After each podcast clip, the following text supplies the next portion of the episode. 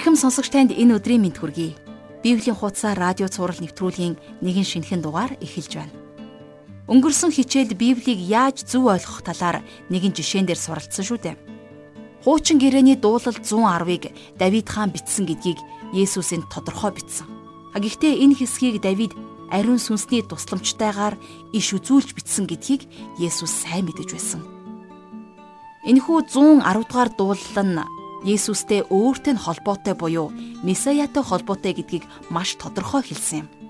Хүн төрлөختнийг аврахаар ирсэн Месаягийн талаар хамгийн алдартай хаан нь бичиж үлдээсэн гэдгийг хэлж тайлбарлаж өгсөн. Өөрсдөө бахархдаг тэднийг нэлээд зочролд оруулсан баг. Энэ бол бид үнэхээр Библийг зөв ойлгодог эсгээ шалгаж үзэх шаардлагатайг сануулж байгаа хэрэг. Үнэхээр юуны тулд ярив гэдгийг нь нягтлж тунгаан бясалгах нь амьдралынхаа олон асуудалд Бурхны дуу хоолойг сонсох боломж олдог шүү. Ингээд өнөөдрийн хичээлээр олон зүйлийг тодруулж, ойлгож авна гэдэгт итгэлтэй байна. Харин одоо хичээлээ эхлүүлэхээс өмнө Бурханд хандаж энэ цагийг даатгацгаая. Эзэн Бурхан минь, би таньдаа шинэ өдрийн төлөө онцгойлон талархаж байна. Та бидний төлөө, бидний гим нүглийг уучлахын төлөө та хүүгээ харамгүйгээр өгсөн. Эзэн таны хайрын үйлсийн төлөө би танд талархаж байна. Энэ үнэхээр онцгой гайхамшигтай төлөвлөгөө бөгөөд хүсэл байсан гэж энэ цаг мөчид тунхаглаж байна. Эзэн минь энэ өдөр ч гэсэн та бидэнд өөрийн үгийг харамгүйгээр өгөөч. Таны ариун сүнсээр дамжуулан үгийгт нь ойлгож, тунгаан бясалгаж, бас амьдралдаа хэрэгжүүлэхэд та туслаарай. Хичээлийн энэ цагийг бид таньдаа даатгаж Есүс Христийн нэрээр залбирanгуйлаа. Амен. Ингээд жаргал агшиг хичээлд анхаарлаа хандуулъя. За Лук номыг судалж байгаа бидний судлал нилээд сонирхолтой бүлэг болох 21-р бүлгээр өнөөдөр үргэлжилж байна. За энэ бүлэг бол Лукийн сайн мэдээний иш үзүүлгийн хэсэг байгаа юм. Энэ хэсэг нь Матай болон Марк номон дээр чидүүн улан дээрх сургаалтай төстэй боловч за харин зарим нэг талаараа ялгаатай байдаг. За Матай бичсэн сайн мэдээн дээр дагалдагчид Есүсээс 3 асуултыг асуусан байдаг. Тухайлх юм бол эдгээр зүйл чинь хизээ болох юм бэ? Таны заларч ирэхэд ямар шинж тэмдэг байх вэ? Үеийн төгсгөлд ямар шинж тэмдэг үзэгдэх вэ гэсэн гурван асуултыг тэд асуусан тухай Матайн сайн мэдээг судалж байх явцдаа бид үзсэн. Тэгэхээр эхний асуултанд нь Есүс өмнөх бүлэг дээр хариулсан байгаа. За Лук номын 21-р бүлэг дээр гарах иш үзүүлгийг Лук болвол маш практик талаас нь гаргаж тавьсан байдаг. За тэр утгаараа ч гэсэн одоо энэ иш үзүүлэг нь иш үзүүлэг биш нэгэнд түүх болон биелэн үлдсэн юм. Юу вэ гэхээр манай эртний 70 онд за Ромын жанжин Титус энэ бүх иш үзүүлгийг гүйцэлдүүлсэн байдаг. За ингээд хамтдаа Лук номынхаа 21-р бүлгийн 1-ээс 4-р ишлэлийг гаргацгаая. Есүс хараага өргөтөл Эрдэнсийн санд бэлэг өргөж буй баяжуудыг Мөн хоёр жижиг зис цоос хийж буй нэгэн бэлэвссэн үгээгүй эмэгтэйг тэр харав. Тэр үннээр би танарт хэлье. Ядуу бэлэвссэн энэ эмэгтэй бүх хүмүүсээс ихийг хийлээ. Учир нь бүгд илүүдлээсээ хийсэн атал энэ эмэгтэй ядуу хэрнээ ам зуулгадаа хэрэгтэй байсан бүхнээ хийлээ гэв. За тэгэхээр сүмийн химжээлшгүй хэд баялагын дэргэд ядуу бэлэвсэн эмэгтэйн өргөл яаж ч бодсон дэндүү өчөөхөн байсан. Тэрний хоёр зис зоос сүмийн үйл ажиллагаанд бараг за бараг ямар ч нэмэр болохгүй гэж хэлж болно. А гэтэл эзэн юу гэж хэлсэн бэ? Эзэн яг юуг харддаг юм бэ? Бурхан юуг өгч байна гэдгийг биш. Харин өөртөө юу авч үлдэж байна гэдгийг харддаг юм. Бид нар өнөөдөр 10-ынхаа нэгийг заавал өргөдөг байсан тэр үеийн хуулиас ангид байгаа хүмүүс. А гэхдээ бид нар бурханд өргөхдөө өөртөө юу авч үлдэж байна вэ гэдгийг харж байдгаа гэдгийг мартаж болохгүй. Бурхан бид нарыг хангалттай ивэж байгаа болвол бид заавал 10-1-гээ биш 5-1-ийг ч өргөх боломжтой. Бурхан өргөж байгаа хүний золиосыг харж л байдаг. Өөртөө юу авч үлдэж байна вэ гэдгийг ч бас харж байдаг. Таны өргөлийн уудан дээрх дүнг хараад хөөх Бурханд ямар ихийг өгөөвэ гэж хүмүүс бодож болно. Гэхдээ Бурхан таны хэр ихийг өргөж байгаа биш харин хэр ихийг өөртөө авч үлдэж байгааг л харддаг юм шүү. За 21-р бүлгийнхээ 5-аас 6 дугаар ишлэгийг харъя. Зарим нь сүмийн тухай энэ нь гоёмсог чулуунууд болон өргөлийн зүйлсээр хэрхэн чимэглэгдсэнийг ярьж байтал Есүс та нарын харж байгаа энэ бүхний чинь хувьд нэг ч чулуу нөгөө дээрээ үлдэхгүй бүгд нурах тийм өдрүүд ирэх болно гэв гэсэн байна. Тэгэхээр Есүс эзэн тэрхүү ядуу бэлэвсэн эмэгтэйг бусад хүмүүсээс илүү ихийг өглөө гэж айлдах үед дагалдагчт нь Квин сүмийг хараач ямар гайхалтай үнд чулуугаар барьж байгуулаа вэ гэж шагширцгааж байсан. Үнэхээр тэнд байсан эд баялаг агуу их байсан л да. Гэхдээ тэд жинхэнэ эд баялаг хаана байдгийг мэдэхгүй байсан юм. За төд удалгүй тэр бүх эд баялаг үгүй болж тэр агуу сүм нэг чулуун дээрээ нөгөө чулуу давхарлаж үлдэхгүй болтлоо нураагдаж цөлмөгдсөн юм. Бид нар энэ дэлхийн эд баялагийг ингэж л харах учиртай. Энэ дэлхийн эд баялаг бол зурд их. 7 дугаар ишлэл. Тэд түүнээс багшаа хизээ энэ нь болох вэ? Ийм үе болох үеийн тэмдэг юу вэ гэж асууцгаав. За тэгэхээр Матай бас Маркийн сайн мэдэн дээр Есүсээс асуусан энэ сүүлчийн асуулт. Таныг ирэх үед за бас төгсгөл ирэх үед ямар тэмдгүүд үзэгдэх вэ гэсэн асуултанд Есүс хэрхэн хариулсныг онцлсан байдаг. Тэгэхээр Матагийн хувьд гэх юм бол Христ дахин ирнэ гэдэг бол маш чухал асуудал байсан учраас Есүсийн энэ тухай асуултанд хэрхэн хариулсан бэ гэдгийг чухалчлан өргөж бичсэн юм. Харин энд Лукийн хувьд гэх юм бол нэг ч чулуу нөгөө дээрээ үлдэхгүй гэдгийг за өөрөөр хэлэх юм бол Иерусалимийн сүмийн сүрлийг онцолсон. Чидүн уулын сургаал дээрээ Есүс энэ асуултанд хариулсан байдаг. За Матайн сайн мэдээ дээрээс бид нэр энэ талаар илүү дэлгэрэнгүй мэдээллийг авах боломжтой. Есүс нэг сургаалаа шаардлагатай болвол дахин дахин заадаг байсан нь эндээс илт харагддаг юм. За тэгж олон давтуулж байж л ер нь хүмүүс бид нар ойлгодог шүү дээ. За 8 дугаар ишлэгийг хамтдаа уншицгаая. Тэр Төрөлдөхгүй тулд болгоомжтой бай.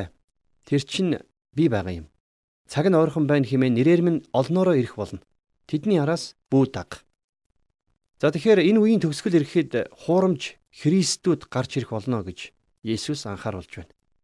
За бид нар хуурамч Христүүдийн талаар мөн ч их сонсох болж дээ. Шин гэрэний ихэн үед ч гэсэн хуурамч месианууд байсан. Өөрсдийгөө агуу хүч чадалтай гэж үргэлжилсэн хүмүүс одоо ч гэсэн бидний дунд байсаар л байна. Хэдийгээр тэд нар Есүсийн тухай маш их ярьдаг ч гэсэн тэд өөрсдийгөө Есүсийн байр суурин дээр тавьдаг.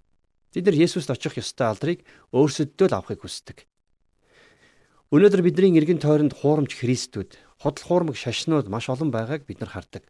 Энэ бол үеийн төгсгөл ойрдсны дохио юм.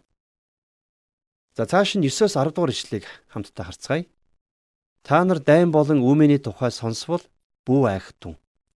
Эхлээд энэ бүхэн болох ёстой ч төгсгөл нь хараахан биш юм гэв. Тэгээд тэр цааш нь тэдэнд үндстэн үндснийхээ эсрэг хаанчлал хаанчлалынхаа эсрэг босох бөгөөд за энэ төр зогсъё. Тэгэхэр ба штэ эцсийн үеийн өөр нэгэн шинж тэмдэг болвол дайнд ажиг. За энэ үеийн төгсгөл ирэх ойртох тусам дайн тулаан улам ширүүсэх болно гэсэн үг. За хэдийгээр дайны дэлхий даяараа инх тайвны төлөө гэж ярих болсон боловч за Илж Паулийн Тесалоник хотынд бичсэн 1-р захидлын 5-ын 3 дээр гардаг нэгэн ишлэлийг би энд иш татмаар байна. Хүмүүсийг амар тайван аюулгүй байдал гэж ярьж байх үед жирэмсэн эмэгтэйд төрөлтийн хүчтэй өвдөлт учрахын адил тэдэн дээр сүйрлэн гинэт ирэхэд тэд зүхтааж огт чадахгүй гэж бичсний дагуу болно гэсэн. Тэгэхээр өнөөдөр үнэндээ бид нар яг л ийм л байдалтай байна.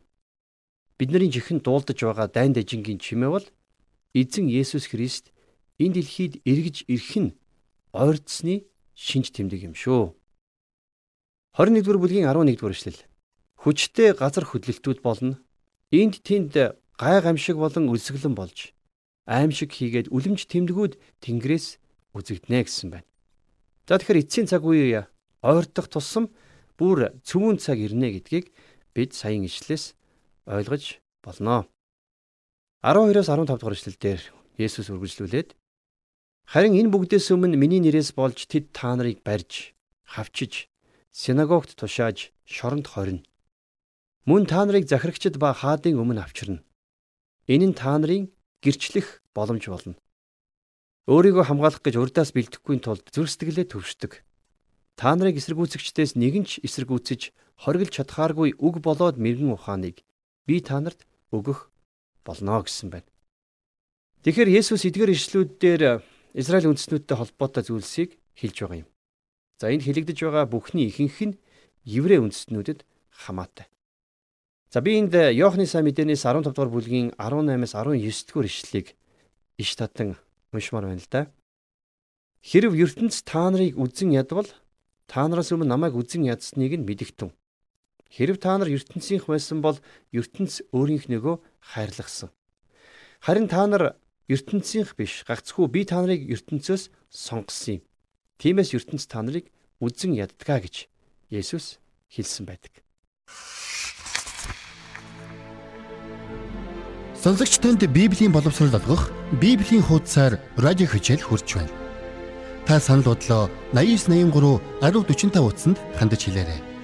Бас манай Facebook хуудасаар зочилж болно. Хаяг нь facebook.com библийн хуудасаар. Хэрвээ та Есүс Христийн дагалдагч мөн бол та үүгээрээ ямар нэгэн нэр хүнд олж авах боломжгүй. За би үүнийг бол баттай хэлж чадна.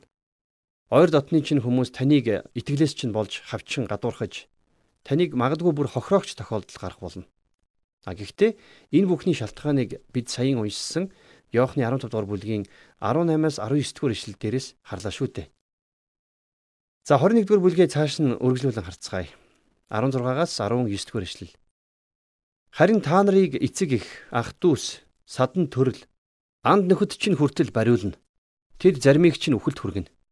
Миний нэрнээс болж бүгд та нарыг үзен ядах болно.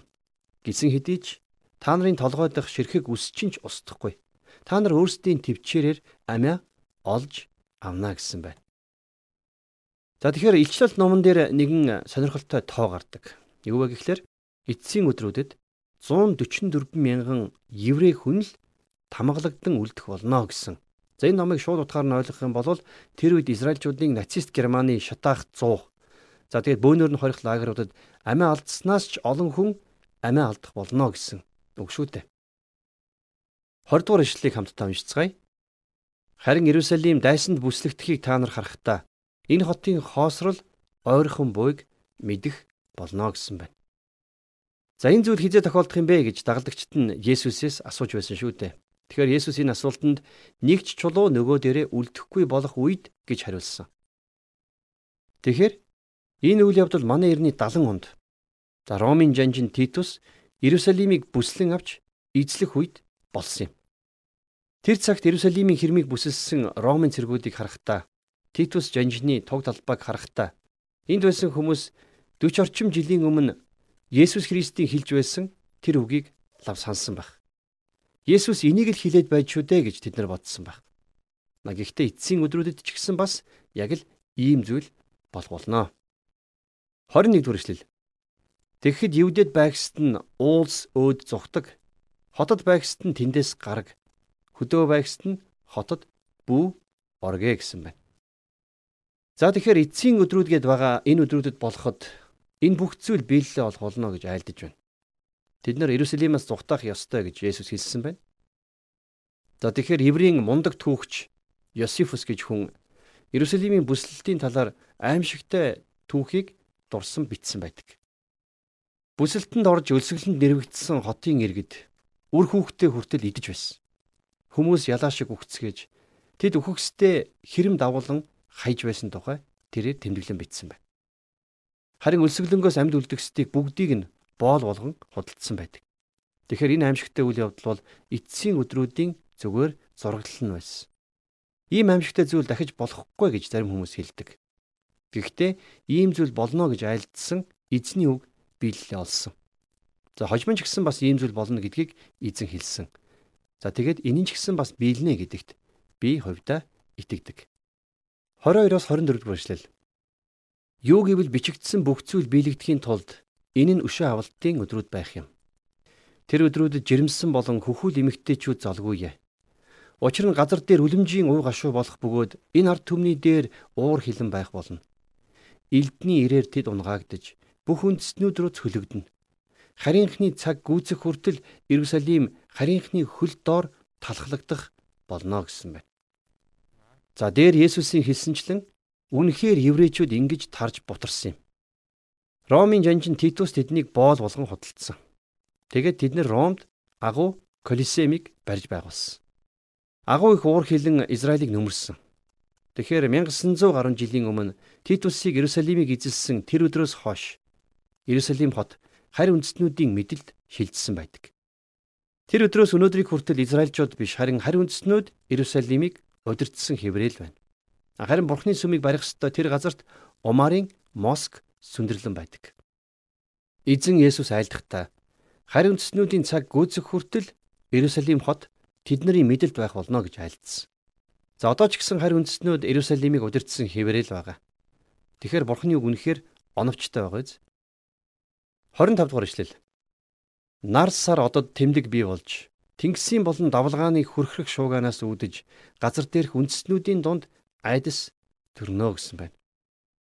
За энэ бол яахын аргагүй Христийн энэ дэлхий дээр дахин ирэх тэр эцсийн өдрүүдтэй холбоотой үйл явдлаа гэж би хувьдаа бодож байна. Эцсийн өдрүүд ирэхэд ийм зүйлс болох болно гэдгийг Есүс маш тодорхой хэлсэн байна. За 21 дугаар бүлгийн 26 дугаар ишлэлийг хамтдаа харцгаая. Тэнгэрийн хүчнүүд сэгсэрэгдснээс болж дэлхийд ирж буй зүйлсийг тэд ёрлож айснаасаа ухаан алднаа. Зарим хүмүүс өнөөдөр эцсийн өдрүүд ирчгээд байна гэж хэлдэг. А гэхдээ би хувьдаа бол хараахан болоогүй байна гэж бодож байгаа. Энэ ишлэл биелэлээ хараахан олоогүй гэж би боддог. Мэдээж өнөөдөр нөхцөл байдал хүндхэн байна л да. Үнэн.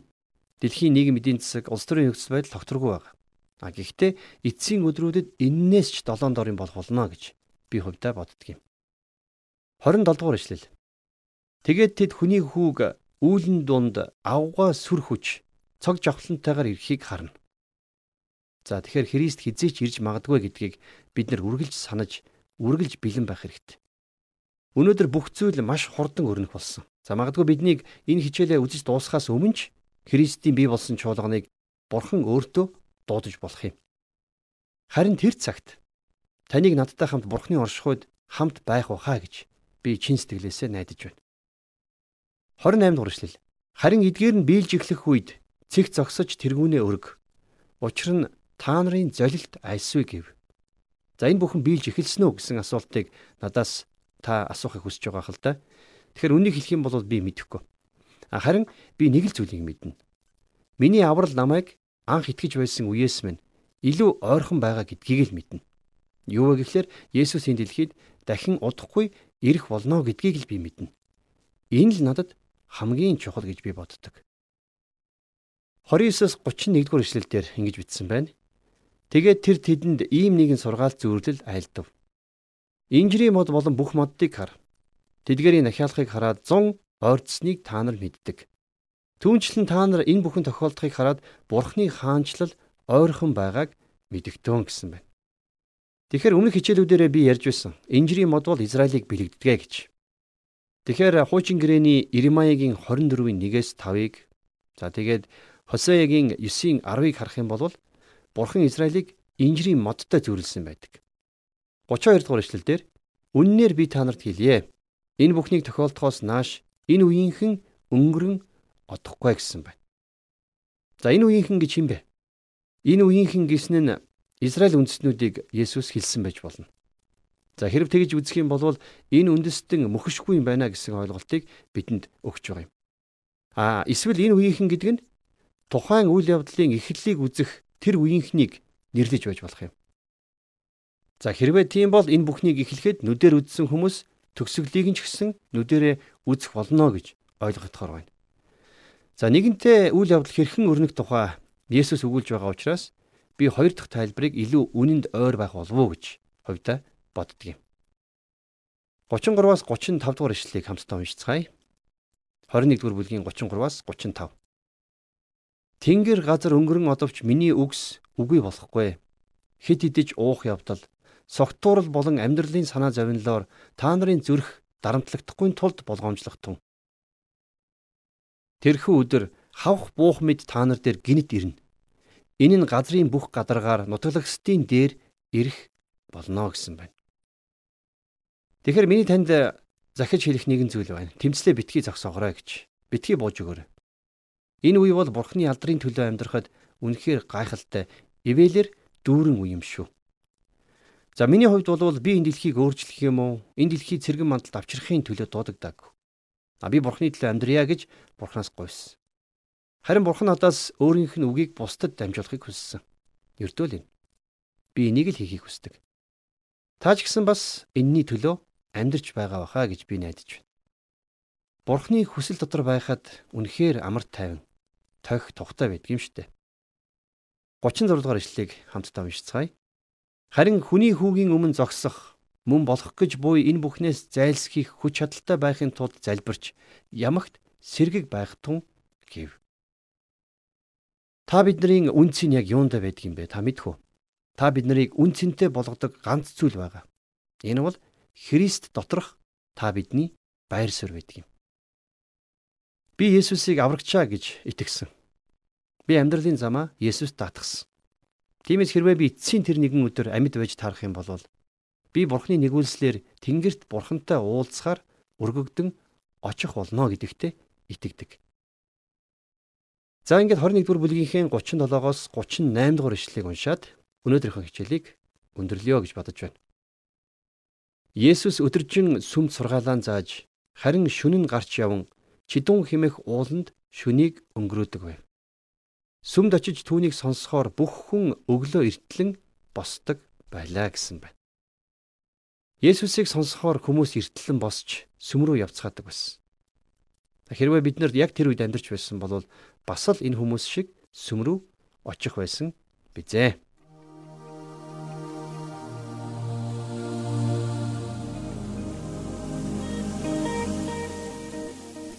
Тэгэхээр үнэхээр Есүс Христ дотор бид үн цэнтэй болгогдсон. Үн цэнэ мэдэж байгаа бол өөрийн гисэн бат байр суурьтай болно гэсэн үг.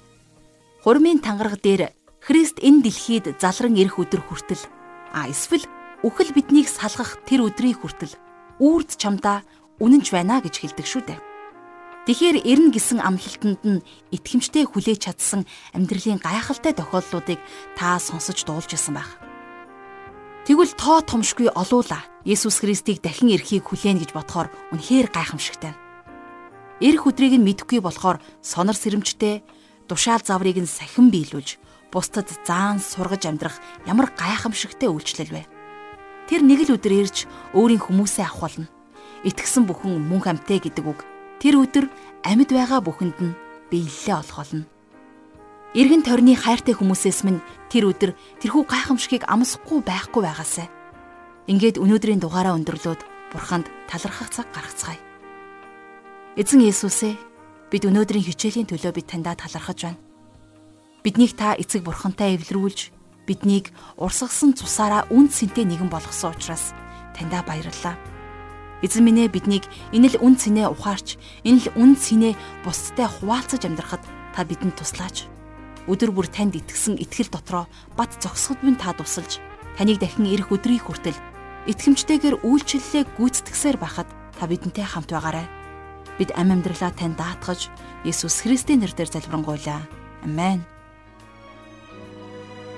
Сонсогчтонд Библи ивэл төрийн бус байгууллагын захиалагт Библийн хуудасаар радио хичээл хүрлээ.